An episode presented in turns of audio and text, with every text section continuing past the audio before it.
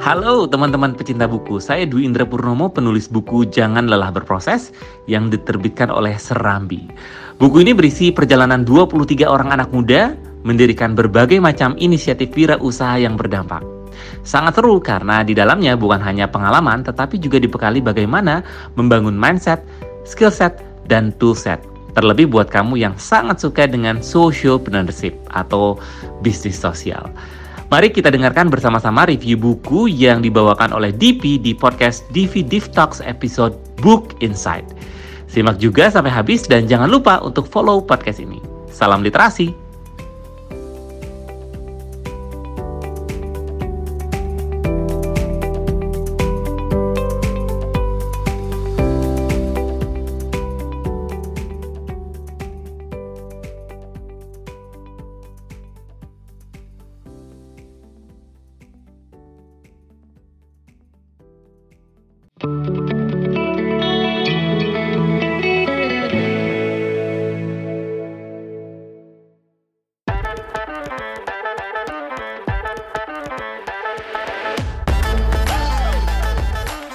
Halo teman-teman book lover, saya DP Educator dan Book Influencer. Apa kabar semuanya? Semoga dalam keadaan sehat. Ketemu lagi dengan saya DP di sini di episode Book Insight di DP Talks.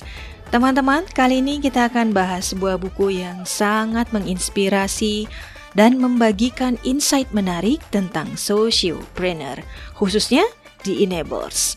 Episode ini jangan dilewatkan ya. Buku ini ditulis oleh Dr. Dwi Purnomo, lahir di Bandung 9 Mei 1980, berlatar pendidikan S1 Teknik Pertanian Unpad, S2 Teknologi Industri ITB, dan S3 Teknologi Industri Pertanian IPB. Saat ini Dwi aktif sebagai pengurus Indonesia Creative City Network, Deputi Bidang Pengembangan Bisnis. Sebelumnya, dia juga berpengalaman sebagai Kepala Laboratorium Sistem dan Informasi Teknik Pertanian Unpad.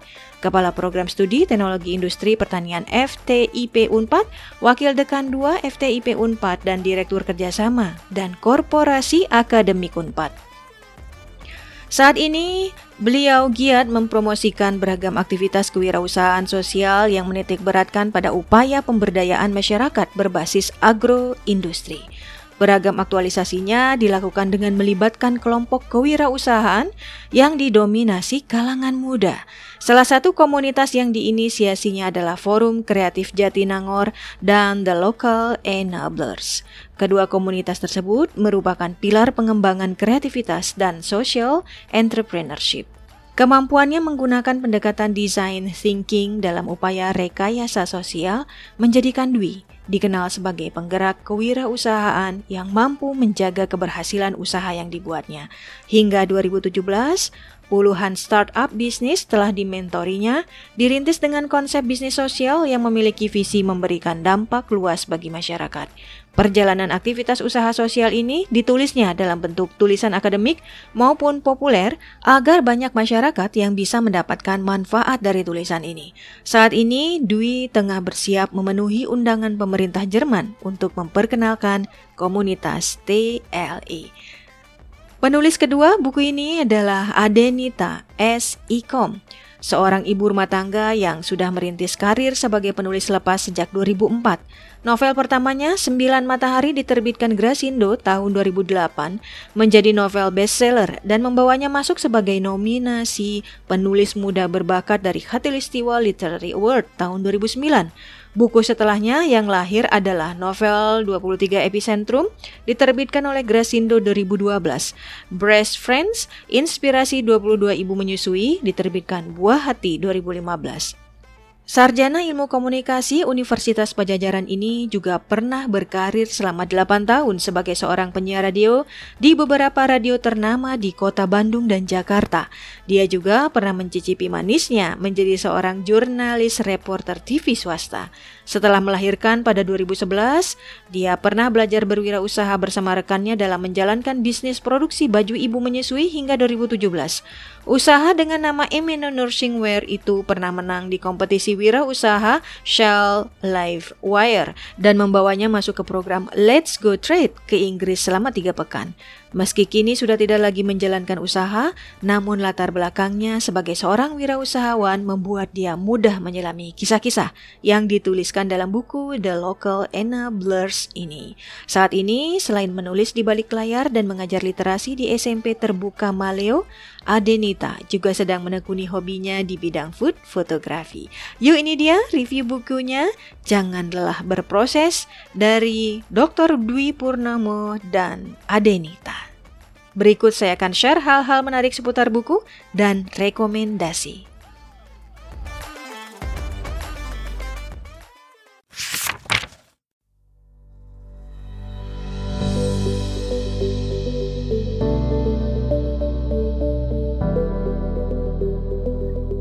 Jangan lelah berproses ditulis oleh Dwi Indra Purnomo dan Adenita. Ilustrator Sufti Nurah Martianti, desain sampul Daily Ideas, penyunting Mutia Azizah, Dewi Kurniasari, Pewajah isi Nur Hasanah Ridwan. Jenis buku Bisnis Pengembangan Diri dan Motivasi Bisnis diterbitkan oleh penerbit Serambi Ilmu Semesta cetakan 2 September 2022 dengan jumlah halaman 268. Harga 79.000 dan harga sewaktu-waktu bisa berubah. Jadi mari kita selalu cek-cek bukunya di Shopee penerbit Serambi. Spirit jangan lelah berproses bisa menjadi pengingat dan penyemangat kita untuk terus berbenah dan berbuat sesuatu, untuk terus memberikan inspirasi dan dampak positif bagi lingkungan sekitar kita. Demikian yang disebutkan oleh Billy Mambrasar, penasihat Kitong Bisa Enterprise, staf khusus Presiden 2019-2023 untuk buku Jangan Lelah Berproses. Buku Jangan Lelah Berproses memberikan beragam fondasi dasar yang modern secara baik sekali untuk menjadi seorang sociopreneur. Tiap cerita enablers disajikan secara jujur berisikan tujuan, alasan personal, serta keputusan dan proses pikir mereka. Bukan berisikan cerita rekayasa atau sekadar kisah sukses sebagian kecil orang-orang beruntung. Kisah mereka juga meyakinkan bahwa semua orang bisa memberikan dampak yang berarti selama menjalani prosesnya dengan benar. Tidak cocok bagi mereka yang hanya bicara hasil, tapi sangat tepat untuk mereka yang sedang dalam pencarian atau ingin kembali melakukan aligning tujuan diri. Statement ini disebutkan oleh Ryan A. Zaki, Presiden KMITB 2019 untuk buku Jangan Lelah Berproses. Teman-teman book lover ada yang sudah baca buku Jangan Lelah Berproses nggak?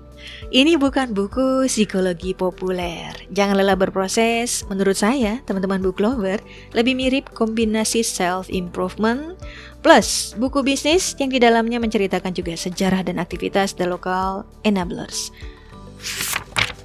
Jangan lelah berproses terdiri dari 11 bab di luar prakata, intro, dan penutup, yakni bab 1, profesi versus peranan, ini menarik sekali karena menggarisbawahi pola pikir yang basic sekaligus futuristik. Bab 2, emas dalam generasi milenial. Yes, generasi ini punya potensi tersendiri ya. Bab 3, kampus di era disrupsi. Tentu saja, kampus-kampus harus beradaptasi. Bab 4, zona kritis para wirausaha. Lembah kematian memang menakutkan. Bab 5, design thinking, teori dan terapan. Bab 6, Kekuatan komunitas Forum Kreatif Jatinangor, istilah dunia itu sempit tuh benar banget teman-teman book lover. Saya domisili dekat Jatinangor dan alumni Unpad. Bab 7, Social Entrepreneur, bisnis yang juga memperhatikan lingkungan sosial itu jempolan. Bab 8, Potensi wirausaha sosial dan bonus demografi, memantik ide-ide banget. Bab 9, The Local Enablers, nama sebuah komunitas wadah persemaian, penumbuhan, pemantapan, akselerasi serta pengembangan berkelanjutan wirausaha berbasis teknologi, proses melalui inovasi sosial. Bab 10, mengapa jangan lelah berproses? Karena semua butuh waktu, teman-teman book lover. Bab 11, para wirausahawan baru dan proses pertumbuhannya. Di sini ada 21 kisah jatuh bangun usaha rintisan yang membumi. Beberapa waktu lalu, teman-teman book lover, saya diundang sharing oleh kampus SOTN. Ada satu obrolan saya bersama MC atau moderator yang bertopikan pengusaha di Indonesia. MC acara, saya ingat sekali, menyampaikan bahwa Indonesia katanya membutuhkan lebih banyak lagi pengusaha.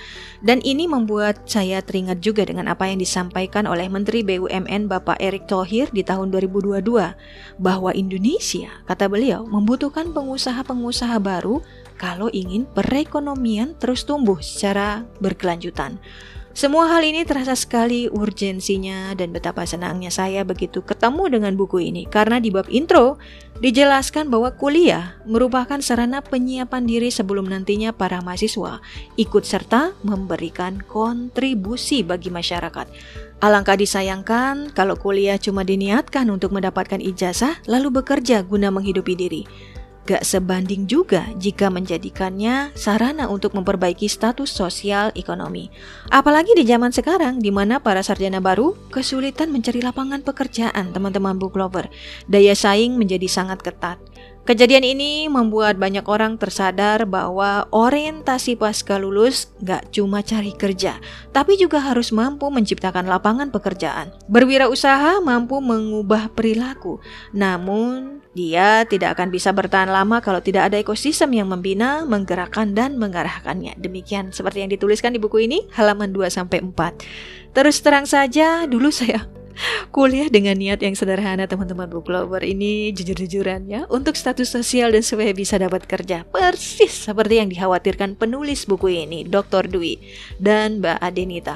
Pemikiran saya baru berubah setelah masuk ke dunia kerja dan menemukan passion juga aspirasi hidup yang sesungguhnya jadi tepat kiranya kalau saya menyebutkan betapa dibutuhkannya buku-buku yang menjelaskan ulang tujuan perkuliahan agar para mahasiswa bisa memiliki sudut pandang yang luas terkait tujuannya menempuh pendidikan di jenjang perguruan tinggi. Apalagi di era teknologi buatan teman-teman book lover, banyak profesi yang terdisrupsi. Skill yang dibutuhkan menjadi lebih menantang. Pada akhirnya, skill-skill sosial akan menjadi pembeda kita manusia dengan robot canggih tersebut. Setuju nggak? Meski mata saya yang plus minus dan silindris ini agak kurang nyaman dengan warna biru hitam di layout kutipan, dan agak sulit menemukan flow lantaran buku ini berbeda gaya storytelling dengan buku yang biasa saya baca, tapi saya suka pada konsep berpikir yang ditawarkan di buku ini bahwa penting untuk memikirkan peran kita dalam masyarakat terkait keahlian atau bisnis yang kita tekuni atau miliki. Bab 2 sampai 5, teman-teman book lover ngasih saya wawasan yang dibutuhkan. Semacam tinjauan pustaka yang dipaparkan dengan cara yang lebih casual. Misalnya tentang topik emas dalam generasi milenial yang menjelaskan keunggulan generasi milenial yang kalau diarahkan sesuai karakteristiknya maka hasilnya akan luar biasa. Karena nggak cuma unggul dalam teknologi, mereka itu lebih terhubung, bergerak dalam kelompok, berpikir kritis, kreatif. Tapi generasi ini juga sangat peduli dan ingin berkontribusi dalam memajukan masyarakat, terutama generasi muda atau pendekatan design thinking yang dipaparkan di bab 5. Disebutkan di buku bahwa design thinking adalah sebuah pola pemikiran dari kacamata perancang atau desainer yang dalam memecahkan masalahnya selalu menggunakan pendekatan human-centered design. Sederhananya, dalam bekerja, seorang desainer selalu melakukan pendekatan dari unsur yang disukai oleh pengguna. Menurut para desainer, solusi bisa efektif kalau user menyenanginya.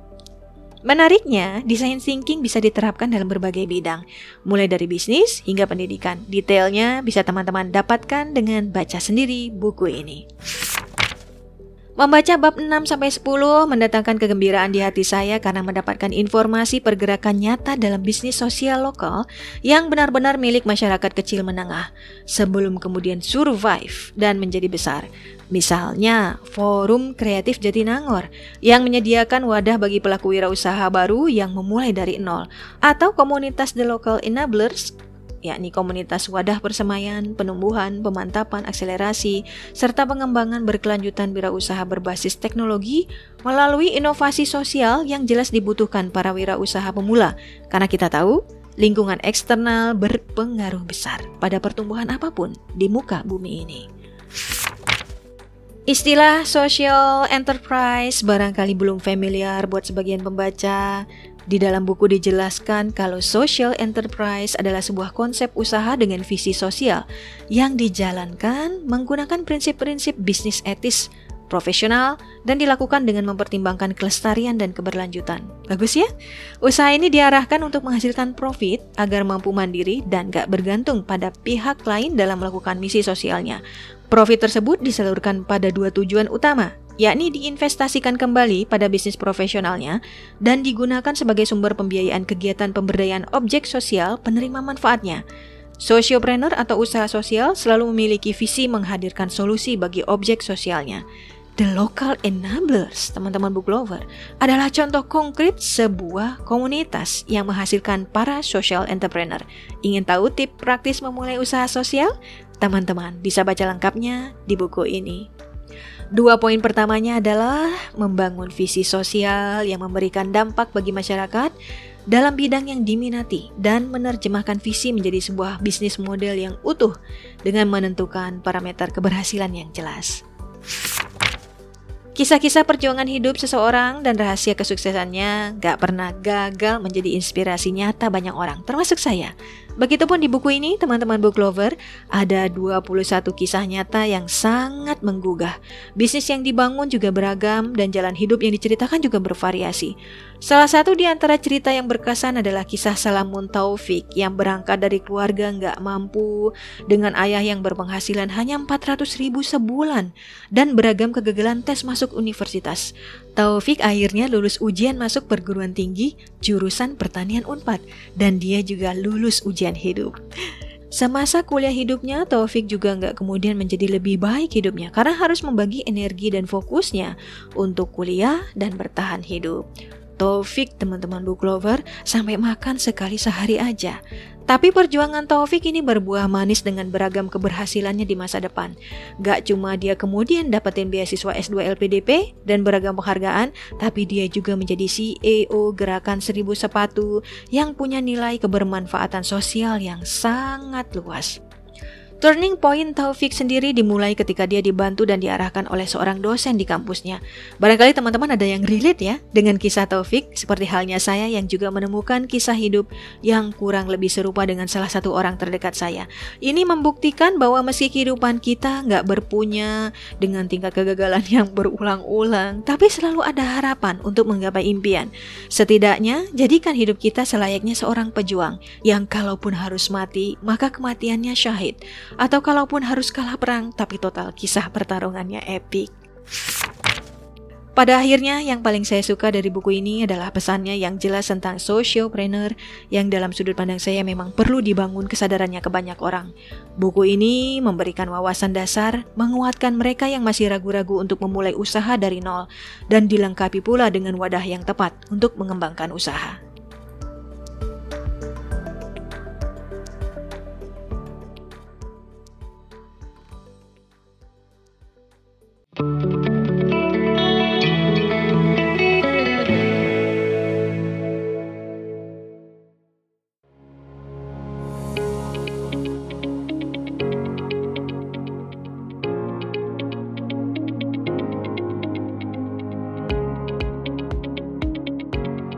Buku ini saya rekomendasikan untuk semua orang yang mencari bacaan tentang sociopreneur atau mereka yang ingin kenal lebih dekat dengan komunitas The Local Enablers.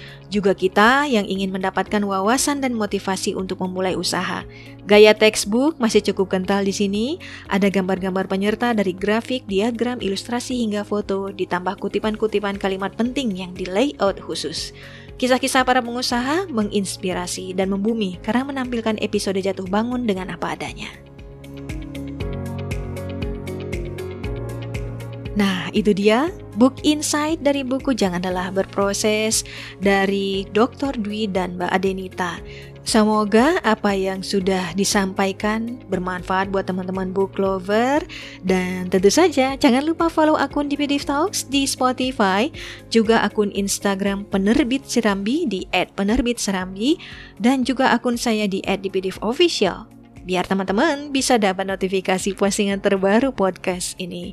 Ingat juga untuk follow akun Mas Dwi di @dwi_indra_purnomo Instagram dan Mbak Ade di Instagram @adenits. Baca-baca review buku lainnya bisa teman-teman lakukan juga dengan mengunjungi laman blog saya di dpdiv.com atau Instagram saya di @dpdivofficial atau YouTube saya di DPDIV Official. Saya mohon teman-teman berkenan memberikan dukungan untuk akun DPDIV Talks dengan cara share konten ini di Instagram Story atau media sosial yang kalian miliki. Terima kasih buat teman-teman yang sudah dengerin dan dukung podcast saya ini. Terima kasih Mas Dwi Purnomo dan Mbak Ade. Terima kasih penerbit Serambi. Sukses dan semangat selalu. Sampai ketemu lagi teman-teman book lover di episode berikutnya. Bersama Dipi, tetaplah membaca karena membaca membuka jendela dunia. Dipi Div Talks, let's encourage each other to shape a better future through education and book recommendation.